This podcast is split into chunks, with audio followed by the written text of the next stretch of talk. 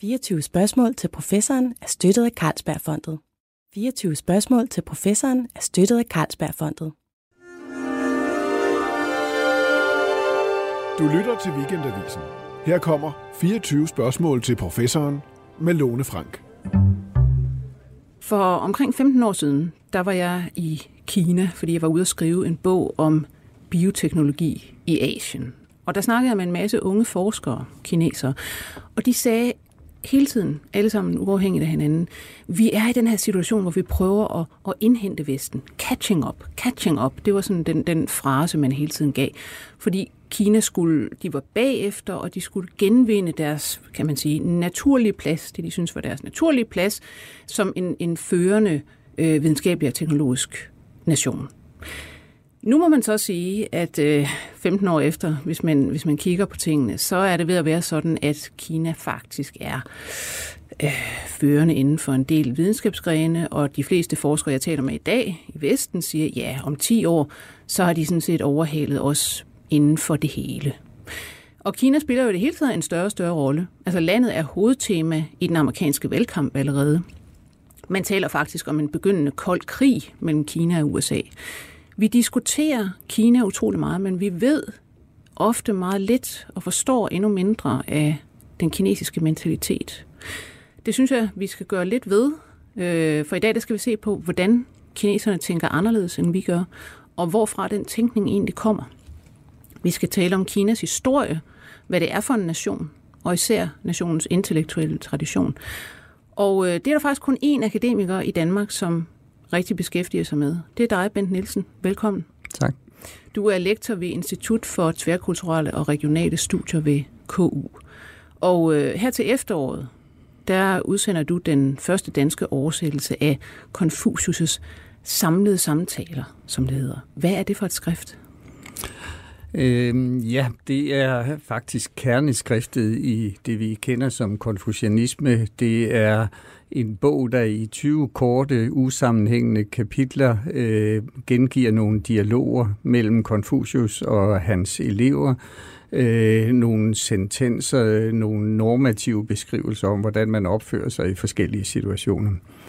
Øh, bogen, sådan som vi kender den i dag, er nok samlet omkring år 200 før vores tidsregning af ældre materiale, som er skrevet ned af forskellige studerende undervejs. Så det er alt i alt et, et, et meget heterogen værk, øh, som man kan få rigtig mange forskellige tolkninger ud af, og det er så også det, der er sket gennem tiderne. Det jeg har forsøgt er at oversætte det dels som et historisk skrift, men samtidig forsøge at vise med min egen kommentar, hvordan øh, et historisk skrift, der er over 2.000 år gammel, faktisk stadigvæk kan have en form for relevans for øh, den moderne kineser, og forhåbentlig ja. også øh, den moderne dansker, ja. der læser den. Og vi kommer tilbage til både Confucius og, og hans øh, tanker, fordi man snakker jo faktisk også om en neokonfucianisme øh, i dag. Øhm, men jeg tænker umiddelbart, når du siger, jamen det er jo, det er jo sådan et skrift øh, af nogle samtaler, øh, en mand, der har siddet og, og talt med nogle elever, og så har de senere skrevet ned. Det lyder lidt for mig som Sokrates. Ja, og han var nogenlunde samtidig. ja. Øh, så, så vi snakker næsten om på nogle måder i virkeligheden øh, kinesernes Sokrates, men, men en helt anden tænkning. Ja. Og det kommer vi så ind på. Men lad os lige tage den kinesiske historie. Vi har alle sammen sådan et tåget billede af, at Kina er en meget, meget gammel øh, civilisation. Men der er jo det her med, hvad, hvad er Kina til en given tid? Altså det har været meget splittet, og så øh, er det blevet samlet på et tidspunkt. Hvor langt går man tilbage, når man snakker om kinesisk historie? Sådan det gamle Kina. Øh, kineserne ynder at gå 5.000 år tilbage. Øh, det er sådan det runde tal, der bliver slynget ud. Vi har 5.000 års historie. Um, det er meget arbitrært tal, vil jeg sige, fordi hvis vi går tilbage og kigger på samtidige skriftlige kilder, så går Kinas historie lidt over 3.000 år tilbage. Mm. Uh, hvad der ligger før det, uh, baserer sig hovedsageligt på arkeologiske udgravninger. Men uh, Kina har den længste kontinuerlige historieskrivning af nogen civilisation i verden, som vi kender. Og øh, i den her skriftlige tradition, der er det sådan en meget monolitisk ting. Det mm-hmm. ene dynasti øh, afløser det næste, øh, og øh, civilisationen er opstået omkring den gule flod. øh, og derfor har den bredt sig til det område, vi i dag kalder Kina. Øh, men de sidste 30-40 år, hvor Kina har gennemgået den her fantastiske udvikling, der har arkeologien vist noget andet. Mm-hmm. Fordi øh, indtil da har arkeologer i Kina, som startede som videnskabelig disciplin i midten af 1920'erne, gjort nogenlunde det samme, som man gjorde i, i området Palæstina-Israel, øh, nemlig at man gravede med, med skrifterne i den ene hånd og skovlen i den anden, og øh, selvfølgelig gravede man der, hvor skrifterne sagde, at der var noget at finde omkring den gule flod. Ja. Så alt, hvad man fandt, forstærkede den her myte med, at civilisationen var opstået der. Øh, men så begynder man for 40 år siden at bygge lufthavne og motorveje alle vegne i Kina, ja. og pludselig finder man ud af, at der har været lige så højt udviklede civilisationer i Sichuan-provinsen, ude vestpå i nærheden af Tibet, i Sydkina, alle mulige andre steder, hvor man ikke drømte om at grave tidligere. Og der snakker vi så øh, 3-5.000 år tilbage. Ja, der snakker vi bronzealder. Ja. Altså den bronzealderkultur, man kendte, det man kalder Shang-dynastiet fra omkring år 1200 før vores tidsregning, hvorfra man har samtidig skriftlige kilder, øh, der bekræfter senere historikers kongerækker osv., øh, viser sig at være bare en mm. af flere lige så højt udviklede øh, bronzealderkulturer. Shang-dynastiet bliver løbet over ende i midten af 1000-tallet før vores tidsregning, og der bliver så øh, Kinas længste dynasti grundlagt, nemlig Zhou-dynastiet. Og det er i midten af det dynasti, Konfucius bliver født i 551 før vores tidsregning. Og der er dynastiet på vej ned ad bakken. Mm. Øh, det betyder, at Confucius, øh, meget af hans lærer koncentrerer sig faktisk om at genoprette, hvad han ser som en gylden fortid, der har været tidligere. Men lad os lige tage det her med, med altså, øh, fortiden, og det du, du siger dynastier. Og det, vi, vi siger også netop altid, øh, jamen, der Ming-dynastiet, ikke? og Song-dynastiet, og Qin-dynastiet, og, og hvad der ellers er.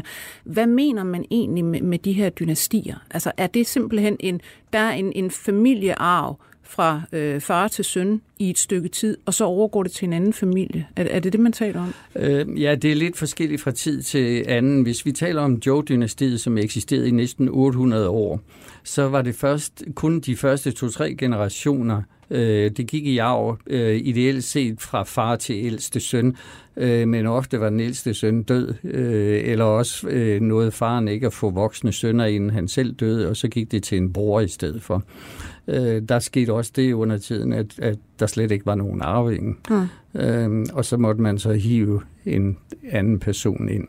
Men, men Zhou-dynastiet var mere af navn end gavn. Øh, Kina var i princippet frem til 221 før vores tidsregning splittet op i de facto uafhængige stater. Hvor mange der? Vi, vi taler om, hvis vi kig, slår ned omkring år 750 før vores tidsregning, har der måske været godt 200.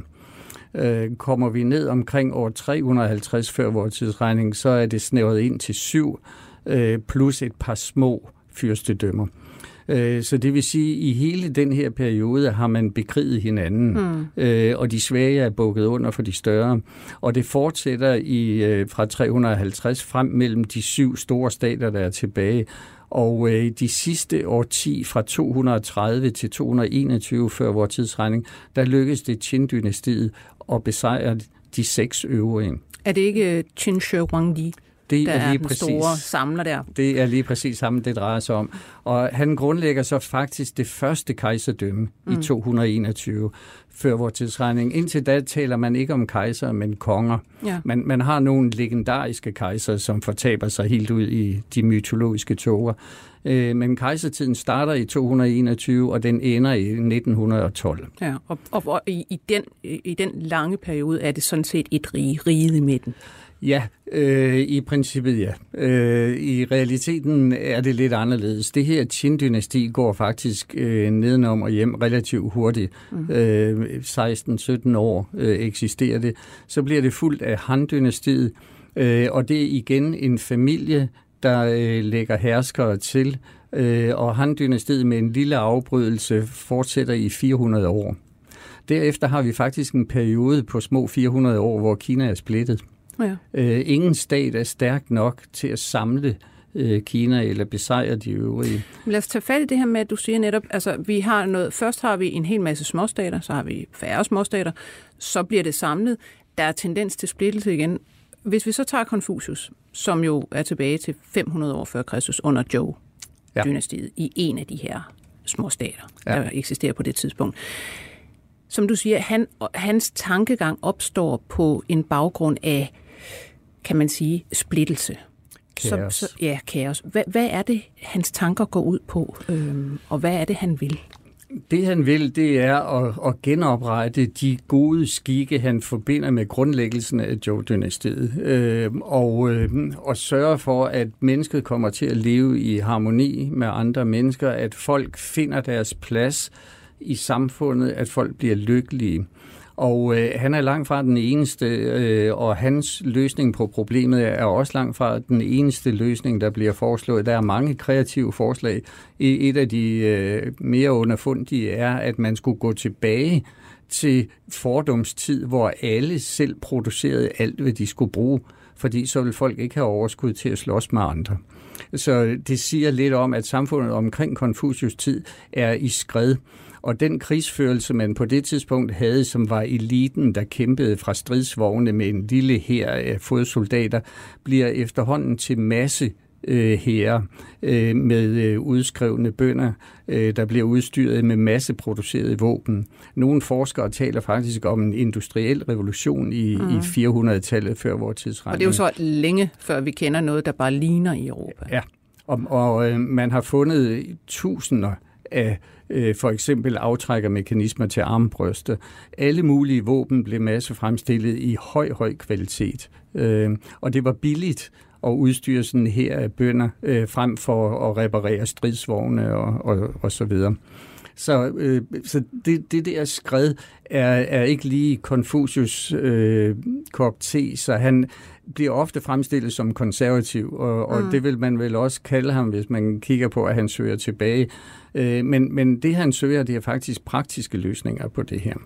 Og øh, i den her periode, hvor Kina er splittet op i de her mange stater, øh, er der jo selvfølgelig meget død og ødelæggelse på grund af krig, men det er også en tid, som er meget gunstig for filosofisk udvikling. Er der, er der mange filosofer? Hvorfor, altså, Confucius er øh, altså en, en filosof formentlig øh, øh, kommet ud af, af eliten. Ja.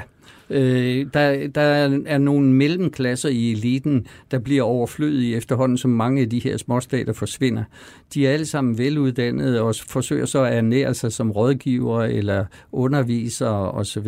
Og der er mange, fordi øh, den her periode bliver også kaldt de 100 mestres periode. Ah, og, ja. Og øh, alle har deres øh, forskellige løsninger på, på de her problemer.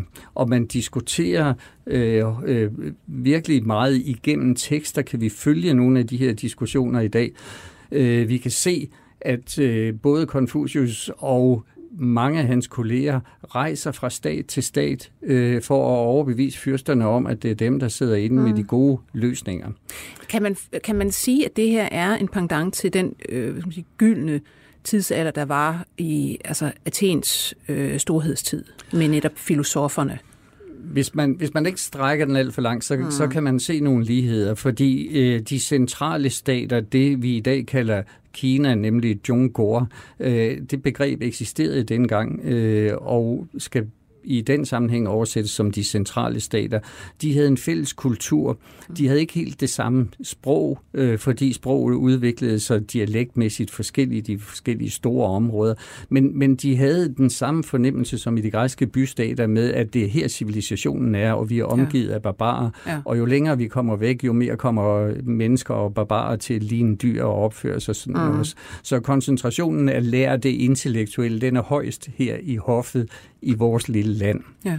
Øhm, og det ændrer sig i 221, da Kina bliver et centralistisk stat. Hvor er hovedstaden på det tidspunkt? Den ligger omkring det nuværende Xi'an. Hmm. Altså, det er der, hvor vi også kender fra øh, altså krigerne, øh, ja. terracotta-krigerne ja, videre. Ja. ja. Hovedstaden ligger, øh, hovedstaden hedder Shenyang, og, og en by, der stadig eksisterer. Mm. Øh, 10-15, måske 20 kilometer fra Xi'an i dag.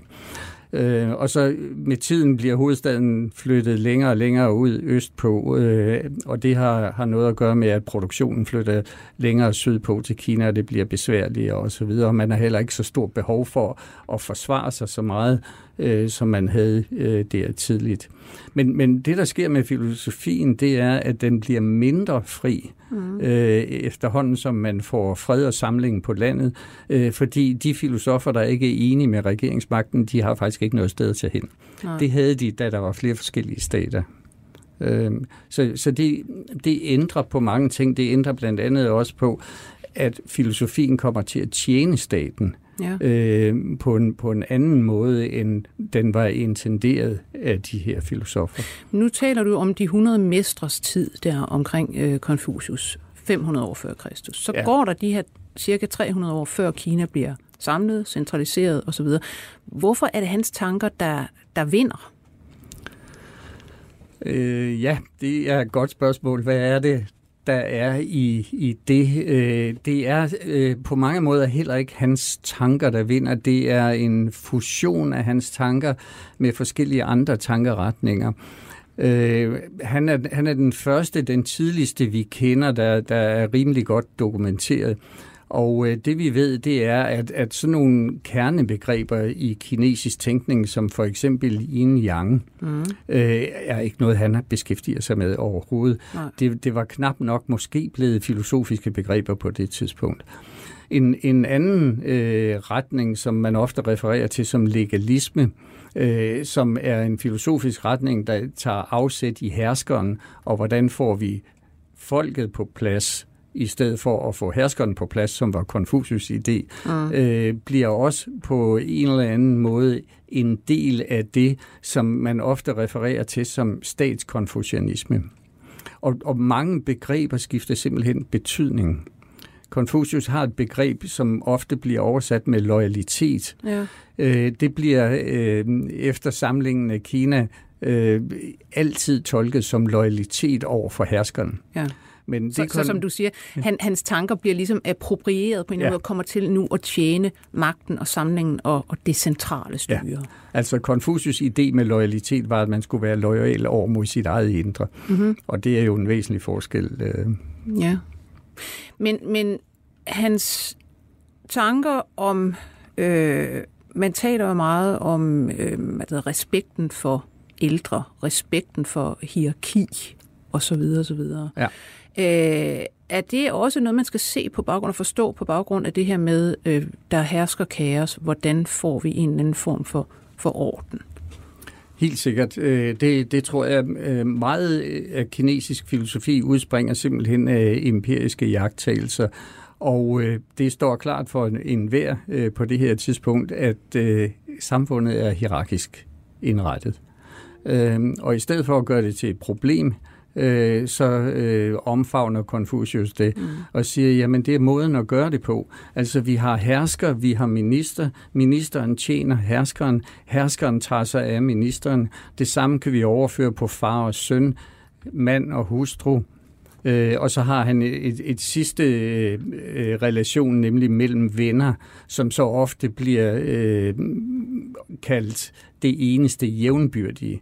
Men spørgsmålet er, hvor jævnbyrdigt det er. Hvor, hvor mange jævnbyrdige relationer har vi i virkeligheden?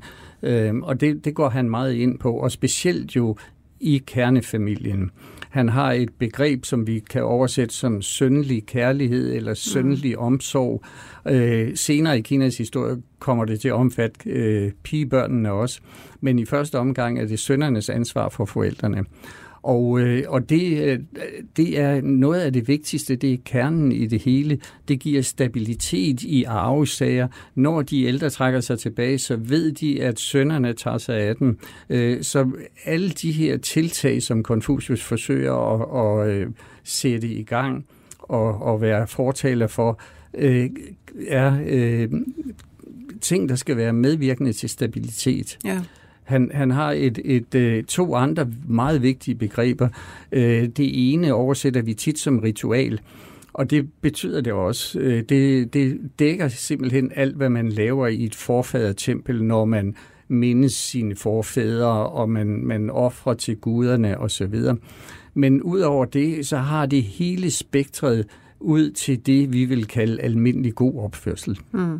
Men er det, skal, skal vi se ham som øh, en, hvad skal man sige, en, en filosof, der meget beskæftiger sig i virkeligheden med altså morallærer? Hvad, hvad, hvad skal man gøre for at være et ordentligt menneske? Hvad skal man gøre i forhold til samfund, til familie øh, osv.? Hvis vi tager det værk, øh, som jeg har oversat... Samlede samtaler. Så, ja, ja, som udtryk for øh, Confucius tanker, øh, så passer det nogenlunde. Øh, et nyt projekt, jeg er i gang med, det er at oversætte, hvad Confucius bliver tillagt af øh, meninger og holdninger i andre tekster. Øh, og det giver et helt andet billede mm. af manden. Øhm, og mange gange har man indtryk af, at i århundrederne efter, øh, hvis man havde noget klogt at sige, så sagde man, at Confucius havde sagt det, fordi ah. så havde det større gennemslagskraft, end hvis man bare selv stillede sig op og, og prøvede at, at komme igennem med det. Så, så hele det her med, med den gode opførsel, som, som i virkeligheden skal bibringes ved opdragelse og uddannelse, og det er den samme ting i Kina helt op i vores dage også. Ja. Det, det er en øh, det, uddannelse handler om at socialisere individet og, og få individet til at internalisere alle gode normer, så folk ikke støder sammen i dørene, fordi de ved, hvem der holder døren for hvem, og ja. øh, for at tage det meget lavpraktisk. En anden ting, øh, som Confucius er fortaler for, er medmenneskelighed, mm-hmm. eller menneskekærlighed bliver det ofte oversat som. Jeg har i, min oversættelse øh, brugt øh, medmenneskelig ansvarlighed. Ja. Fordi i den kinesiske tænkning, der er en person ikke defineret ved en eller anden kerne.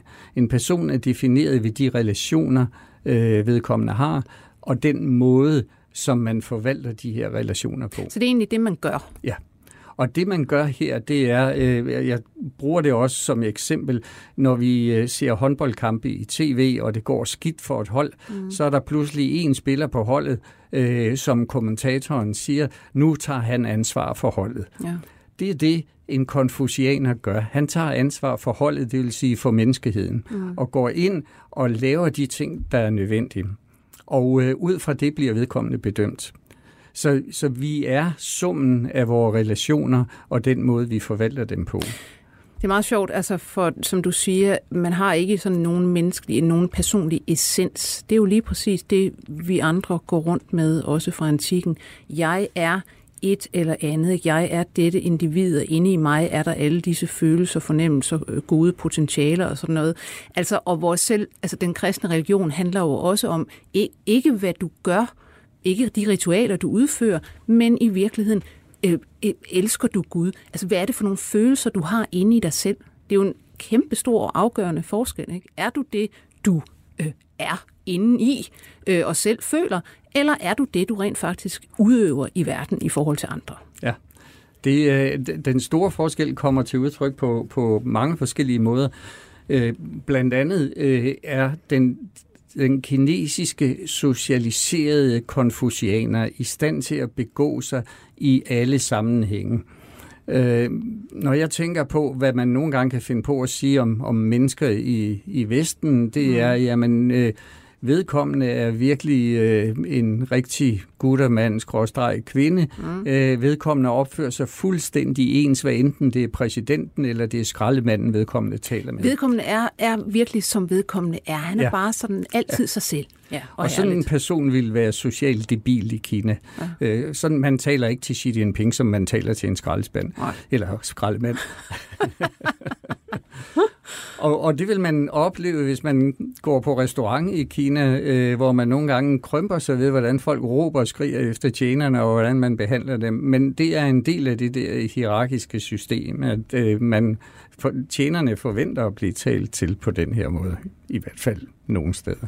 Ja. Det, det tingene ændrer sig jo i det moderne Kina også.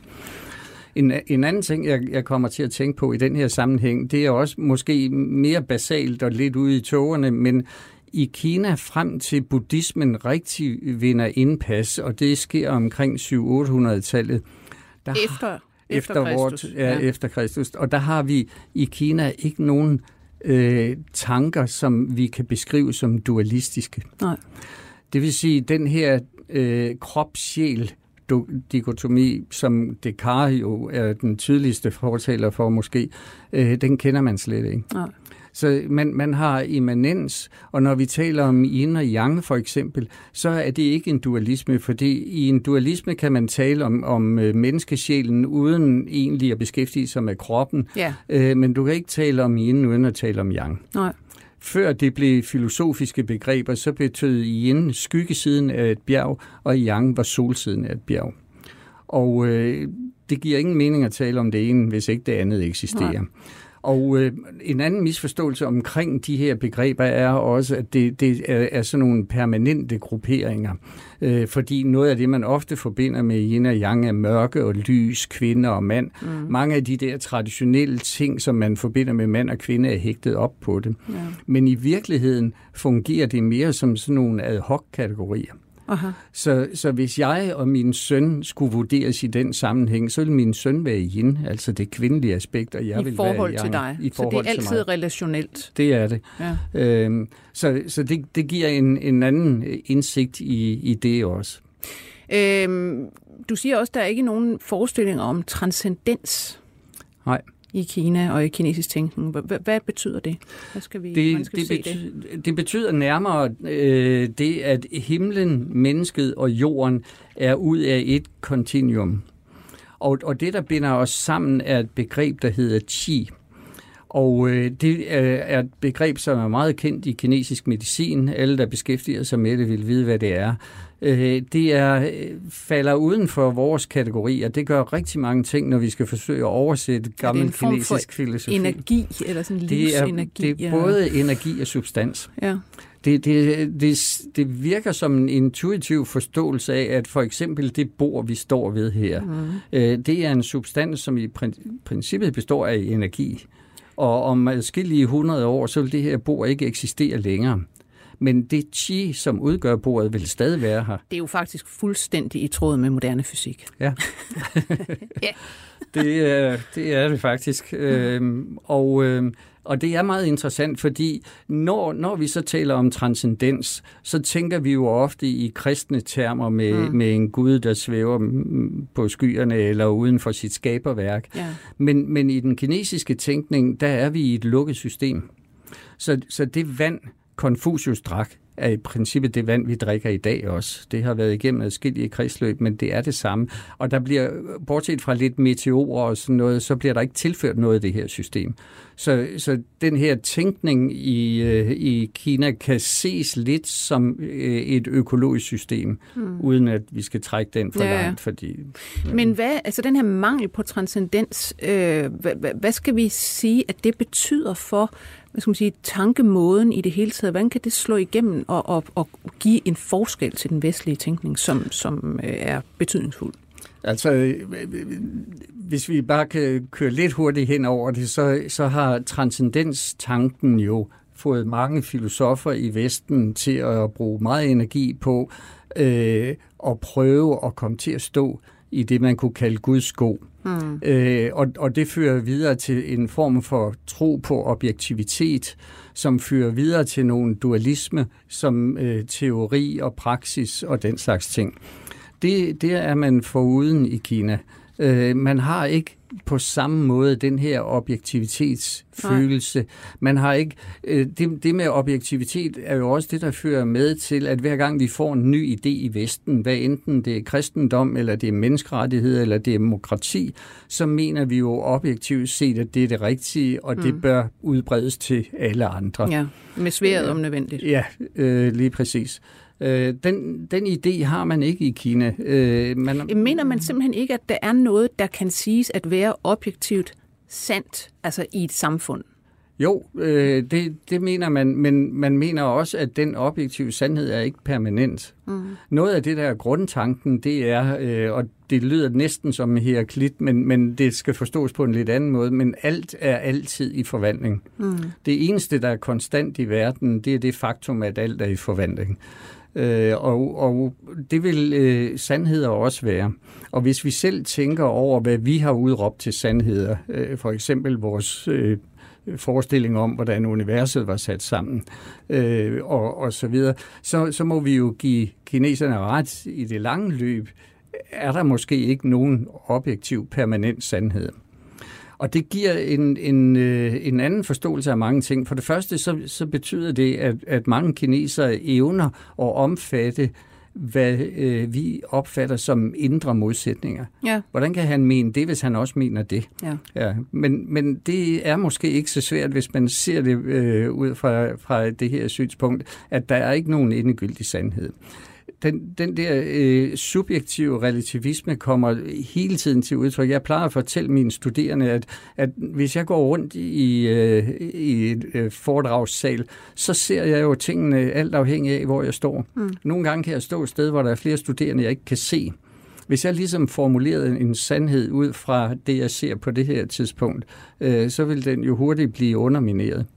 Og det betyder også, øh, og det er faktisk en interessant pointe, at når vi diskuterer ja. i Vesten, hvad enten vi diskuterer det ene eller det andet, så er sandhedsbegrebet virkelig vigtig. Ja. Altså, Men der er en sandhed. Det, ja. Vi har den fornemmelse ja. helt klart. Jamen, der er en sandhed, man kan komme frem ja. til den. Ja. Altså, og det er ikke kun, hvad du selv synes. Det er i hvert fald sådan, ja. du ved, noget vi håner øh, på alle mulige måder. Ja. At ja, ja, synsninger, hold op med det. Ja, og vi vil gå langt for mm-hmm. at få mhm. den der sandhed ja. på bordet. Eller også vil vi simpelthen ikke diskutere Nej. Øh, men i en kinesisk sammenhæng, i hvert fald i en traditionel kinesisk sammenhæng, der vil det her sandhedsbegreb altid være underordnet de konsekvenser, det kan have.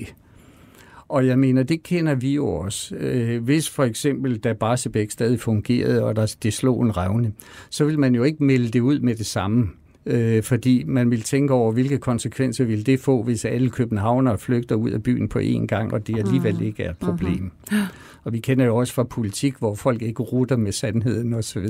Men, men det her er bare basalt i en kinesisk diskurs. Altså det er i virkeligheden altså et hyper, hyper pragmatisk folkefærd og en hyper pragmatisk øh, intellektuel tilgang til verden. Det kan man, det kan man sige.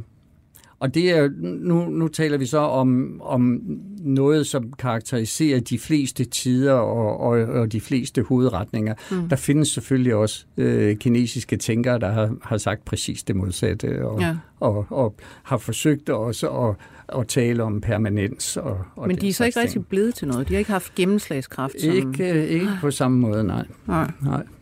Men hvad betyder det så i dag? Altså nu, øh, hvis vi hopper sådan langt frem i, i historien, øh, under Mao og den kommunistiske øh, revolution, der kan man læse, at jamen, der blev Konfucius sådan ligesom, altså på en eller anden måde lagt for had, men øh, man tog ud til hans øh, grav og smadrede den, og fandt for øvrigt ikke noget lige i den, og det er ikke sikkert, at der nogensinde har været noget. Mm. Øhm, og i det hele taget, det, det, det skulle pilles fra hinanden, det her. Ja. Men så kommer det jo igen ret hurtigt. Ja. Spørgsmålet er, hvor langt væk det egentlig var. Øh, det her sker faktisk allerede ved øh, Versailles-freden i 1919, øh, hvor kineserne bliver snydt. De har faktisk kæmpet på de allierede side. De havde 150.000 mand i Frankrig, mm-hmm. som godt nok ikke deltog i kampe, men, men lavede alt det andet, som skulle laves bag fronten. Og, øh, og så fik de alligevel ikke de tyske besiddelser tilbage, som øh, på Shandong-halvøen. Ja. Øh, de overgik til Japan, dog kun midlertidigt. Øh, og det betød, at, at man øh, for alvor tænkte, nu skal vi modernisere os. Og hvad er det, der står i vejen for os? Det er Confucius mm. og hele hans antikvitetsbutik, som de øh, benævnte det. Ja.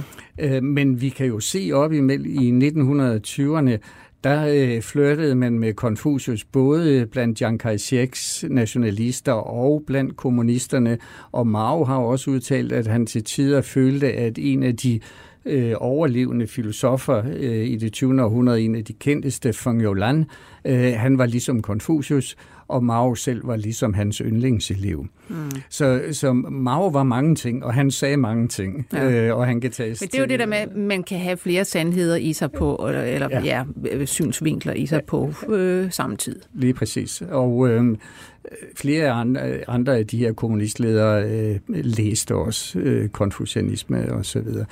Den, den, øh, man havde en kampagne i 1973, som, som faktisk, der var kulturrevolutionen egentlig afsluttet. Mm. Øh, men der øh, havde man en forsvarsminister, som flygtede og faldt ned med et fly efter nogle kupplaner mod Mao for eksempel. Og så lavede man en kampagne mod ham og Confucius. Ja. Og det har undret mange, men øh, dem, der sådan vidste, hvad der foregik, var klar over, at det var ikke Confucius, der var målet her. Det var Zhou Enlai. Ja. Og Confucius, han blev stand inden for Zhou Enlai, fordi Confucius kom fra Zhou-dynastiet, og Zhou-dynastiet er det samme Zhou som i Zhou Enlai. Mm. Og det skal man faktisk være kineser for ligesom at kunne se den forbindelse der. Øh, for Zhou Enlai var for stor til, at man kunne gå direkte efter ham selv for ja. Mao. Ikke? Jo. Så, så, så, så der har hele tiden været noget, og, og det er kørt lidt op og ned, og nu er det så øh, rigtig for alvor kommet igen. Ja, man siger jo, at øh, altså Xi Jinping, den, øh, den nuværende leder, han sådan på en eller anden måde altså virkelig er allieret med Konfucius og konfucianismen, og, og altså fordi nu skal der skabes øh, igen, altså virkelig orden, der skal, øh, altså man skal fremad, og altså netop magten er, er konsolideret virkelig med ham. Man taler ja. også om, at han er en ny kejser, ikke? Altså der skabes ja. personkult og så Eller en ny Mao, siger man også. Ja. Øh, men i, i 2009 var jeg inviteret til øh, Beijing til at deltage i konference og fødselsdagsfest for Confucius. Jeg kan ikke huske, hvor, hvor gammel han blev på det tidspunkt. Men der øh, havde vi fået at vide, at der ville komme en højtstående øh, mand fra partiet mm. og holde en indledende tale til konferencen. Og det gjorde der også. Det var Xi Jinping. Aha. Øh, og han holdt en, en fremragende tale i 15-20 minutter uden manuskript og øh, viste stor belæsthed i, øh, i den tidlige kinesiske litteratur der. Og øh, det er ikke bare Confucius, øh, han fremhæver, han fremhæver faktisk også øh, flere andre tænkere. I det hele taget så er det hele den kinesiske kulturarv, han kører på banen. Og øh, nogle gange virker han faktisk meget oprigtig i sin øh, hyldest til Confucius. Andre gange tager han lidt fejl af det, han citerer, øh, mm. og, øh, og, og hvor det måske også er lidt for tydeligt, at det er konstruktionen af en nationalisme, der er mm. øh, hovedpunktet i hans agenda. Hvis man nu tager øh, skal man sige, den øh, altså kinesiske tænkning i dag, Øh, jeg lagde for eksempel mærke til, da jeg var der. Øh, det er så igen altså 15 år siden, men det er dog inden for moderne historie. Ikke? Øh, jeg sad og snakkede igen med de her unge forskere, fremadstormende. Mange af dem øh, er, har været på vestlige universiteter, nu er de så taget tilbage, arbejder i Kina osv. Jeg sidder til en middag med dem og, og, og snakker om øh, demokrati. Er, er, det, er, det, er, det, er det ikke noget, I gerne vil have? Og de kigger sådan på hinanden og kigger på mig og siger, mm, ikke, ikke specielt. Det er, det er altså ikke det, der, der, mm, altså det, der betyder noget for os, øh, som en af dem sagde. Jeg tror, jeg tror vi er for, det vi er for dogne til. Det, der betyder noget for os, det er, kommer vores familie til øh, og øh, hvad det hedder, klare sig, få det godt, kan vi, hvad skal man sige, føre, altså få vores arbejde igennem, kan vi alle sammen komme fremad i, i familien. Det der med demokrati, det er ikke noget, der siger nogen særlig meget, siger de. Og hvis der er nogen, der skal styre et land, som de også siger, øh, og så stort et land som Kina, så skulle det da meget gerne være de bedst kvalificerede, det vil sige de bedst uddannede osv. osv. At enhver kan sidde og stemme på hvem som helst, der stiller op, det kan da aldrig nogensinde være praktisk. Altså er det en meget gennemgående tankegang, som hvad skal man sige, vi skal vende os til? Det, det tror jeg, altså, man taler jo tit om et meritokrati, at, at man har jo nogle fantastisk dygtige ledere i Kina, og har haft det øh, faktisk hele vejen igennem. Vi skulle jo tænke på, at kommunisterne samlede et land op, der havde været i borgerkrig og krig med fremmede nationer i næsten 100 år på mm. det tidspunkt. Så når vi vurderer, hvad der skete i Kina i 50'erne, så, så er det på den baggrund. Øh, og når vi vurderer, hvad der skete i Kina i begyndelsen af 80'erne, da Deng Xiaoping fik øh, magt til, så, så var det jo på en infrastruktur, som var bygget i Mao-perioden. Mm. Der var jo ikke noget før. Nej. Så, så der har hele tiden været en, en, en rimelig ledelse, at det så er blevet forpurret af forskellige politiske magtkampe og så videre op gennem 60'erne og begyndelsen af 70'erne. Det, det var jo selvfølgelig uheldigt. Øh, og det har der, der har jo været de her magtkampe lige siden, øh, men det foregår mere øh, stille og roligt. Øh, og det Xi Jinping er, er i gang med nu, det er jo selvfølgelig at konsolidere øh, magten. Demokrati har man jo til dels øh, på græsrodsniveau, altså i landsbyer og på i de mindste enheder. Der er også en form for demokrati i Kommunistpartiet. Altså, man, man vælger jo folk ind i, i de forskellige øh, øh, niveauer af, af partiet. Men generelt demokrati har der lige siden Kina blev åben for øh, en kapitalistisk samfundsudvikling. Altså der i 80'erne øh, med Deng Xiaoping. Ja, lige præcis. Øh, der, der har været en vis skepsis med hensyn til det. Fordi øh, hvis du forestiller dig, at der er cirka 400 millioner kinesere, der, der er ret godt ved muffen øh, på i hvert fald øh, europæisk niveau, øh, og så vi laver et generelt demokrati, så er der en 800-900 millioner øh, som kan faktisk bestemme over dem, øh, som ikke er særlig godt ved muffen, og som måske har nogle andre interesser. Så, så rent selvisk, så tror jeg, at når du snakker med de her øh, universitets... Ja, ja. Øh, så er de ikke nødvendigvis interesseret i i hvert fald øh, et demokrati på samme niveau som det, vi har, øh, men at man måske øh, skal kvalificere sig til at stemme. Og så men de 900 millioner, de vil, er de ikke også mere interesseret i øh, velstand, fremgang end demokrati efter vestlig model? Eller det de, de, ved vi måske ikke. Lang, jo, jeg vil tro langt de fleste er. Vi skal tænke på også, at demokrati er en meget abstrakt ting øh, i Kina, og i det omfang øh, folk kan læse om demokrati, mm. øh, så er det ofte alle de her fiaskohistorier, vi kender fra Vesten, øh, de, de seneste præsidentvalg i USA, øh, hvor man skændes om stemmerne og ikke kan blive enige og, og, og så videre. Øh, det er, er vand på øh, antidemokraters mølle i Kina hver gang. Øh, og, og, og også når man kigger på de der, øh, vores tidligere statsminister Fogh Rasmussen sagde engang, at demokrati ikke kunne grædbøjes. Det, det er noget af det mindst kvikke, han har sagt, fordi vi har demokrati i alle mulige former i Vesten. Ikke? Hvordan skal vi øh, se på, på Kina i dag? Altså nu, hvor de er stærkt på vej til at blive den største økonomi øh, foran i forskning og udvikling osv. osv. Hvad er det så, Kina vil i verden? Det er meget vanskeligt øh, at, at sige noget øh, om. Jeg, jeg tror ikke, Kina har øh, ambitioner langt ud over deres nærområder. Øh, man har opbygget en, en stor og stærk økonomi, og den er man selvfølgelig øh, opsat på at sikre handelsmæssigt, øh, og, og det arbejder man jo på med, med det her Belt and Road Initiative de nye øhm, silkeveje, ja, man snakker om. Og, øh, og, og samtidig så har det jo stået klart for, for alle øh, allerede for 30 år siden, at, at den her økonomiske vækst vil blive omvekslet til politisk indflydelse på et eller andet tidspunkt. Og det er det, der er ved at ske. Øh, når, hvis man spoler tiden næsten lidt over 100 år tilbage, øh, jeg så det lige tilfældigt i går, i 1912, mm. Der sad vestmagterne, det vil sige Vesteuropa og USA, på 85 procent af verden. Vores indflydelse gjorde sig gældende alle de her steder, inklusiv Kina. Øh, det er blandt andet måske det, øh, Kina godt vil rulle tilbage. Ja. Øh, Kina mener selv at komme med en kulturarv, som vi har krasset lidt i i dag, som kan byde ind med ting og sager. Måske er vestlig demokrati, som vi kender det i England eller Danmark, ikke det bedste i Kongo. Øh, måske er en anden samfundsmodel, øh, som kunne blive inspireret af en kinesisk model, øh, bedre.